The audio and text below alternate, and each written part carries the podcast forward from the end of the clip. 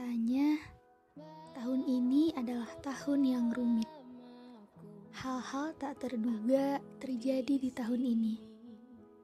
Ratusan peristiwa gila menjadi nyata di tahun ini. Namun, beberapa mimpi terpaksa tertunda. Puluhan rencana terpaksa tak terlaksana.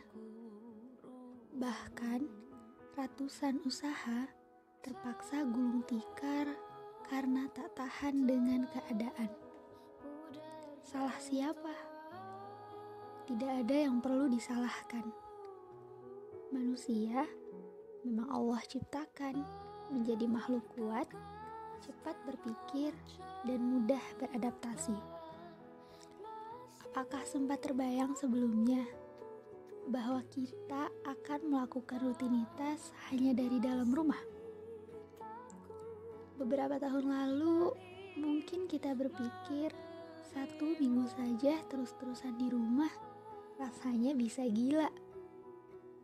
Hampir satu tahun nih kita di rumah aja, dan nyatanya hampir hilang kewarasan sih. Tapi masih tetap waras kan? 2020 mengajarkan kita banyak hal, terutama tentang kesabaran dan kepercayaan.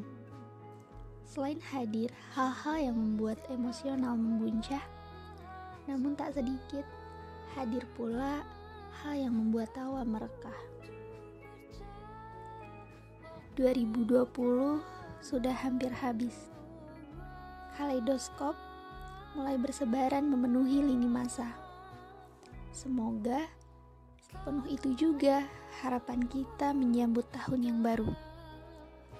Tidak salah untuk memperbaiki dan mulai kembali merangkai mimpi yang sempat terbengkalai.